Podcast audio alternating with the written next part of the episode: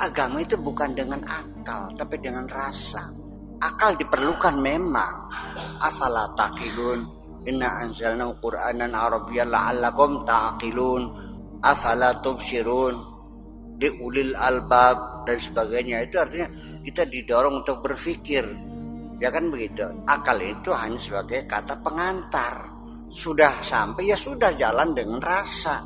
Logika sudah selesai seperti pesawat olang alik kan gitu.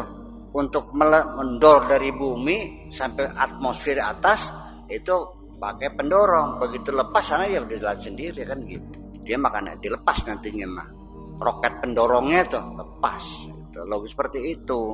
Seperti kita naik mobil ketika kita baru belajar sampai enam bulan lah kita masih pakai logika. Ya melihat lihat eh, apa namanya speedometer kecepatan. Oh sekian berarti harus kayak gitu juga klek kayak gitu juga. Nah ini sudah lebih 100 sudah gigi 4 4 nanti lihat kanan kiri kalau itu semuanya kita sibuk karena pakai logika. Tapi kalau sudah jam terbang kita lama ya begitu kita masuk gang sempit ada portalnya. Dengan rasa saja kita bisa tahu mobil ini masuk atau tidak. Nggak usah turun terus nggak meteran sebenarnya maning ya nggak usah. Masuk tapi sempit. Bisa-bisa nyenggol spion makanya ditekuk memang pres. Sudah dengan rasa karena pengalaman panjang. Beragama juga begitu pada akhirnya. Rasa badan mata merasakan indahnya lukisan. Itu rasa jasmani. Telinga merasakan indahnya atau suaranya. Musiknya indah banget lidah kita juga rasa jasa di kita merasakan sedapnya masakan. Tubuh kita juga merasakan kesejukan itu rasa asmani, ya kan? Ada rasa hati atau abdomir. Ada lagi rasa ruhani. Ada lagi rasa nurani. Saya kira rasa hati saja sudah punya potensi sangat besar untuk melihat secara transparan dan transadental apalagi rasa nurani rasa hati saja. Kalau kita pakai logika tetangga mau melahirkan bayinya sungsang harus disesar biayanya 12 juta uangnya nggak punya. Kita ada uang tapi perlu untuk biaya sekolah anak logika nggak mungkin akan dikasihkan tetangga itu. Ya suaminya sudah tingkat agama rasa. Nggak bisa tidur dia mikirin tetangganya itu.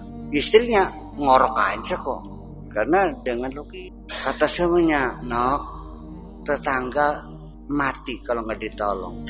Tapi ini kan perlu buat ini. Gimana kalau dipakai buat tangga dulu? Jangan jangan mengorbankan anak kita bang dia kan orang lain menantu bukan saudara bukan ini aja yang penting kita selamat Toh kita juga kalau susah nggak ada yang nolong nggak ada apa.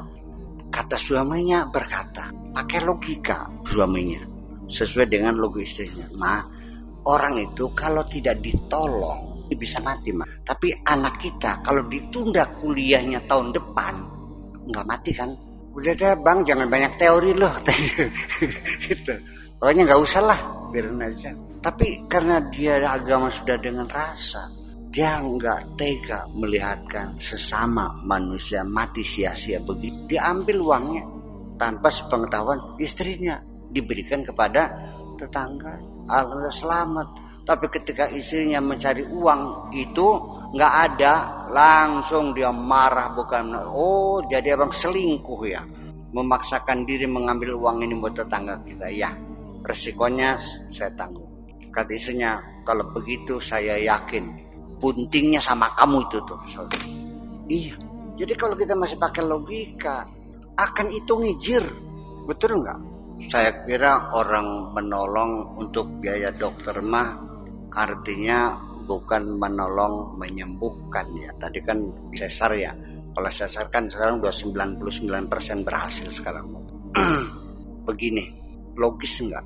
Anda mengorbankan diri Anda untuk orang lain. Logis nggak? biar kita mati demi orang lain logis jadi logika pengorbanan tidak logis kita ini menikmati fasilitas hidup, punya negara, punya tanah air, ya kan dihormati bangsa-bangsa yang lain, punya paspor, punya border, punya perbatasan, punya negara. Kita merasakan kondusivitas keamanan negeri ini. Ya kan begitu? Sampai menjadi negara republik Indonesia. Kita ini menikmati pengorbanan orang lain yang siap setor nyawa dia rela siap mati demi kemerdekaan makanya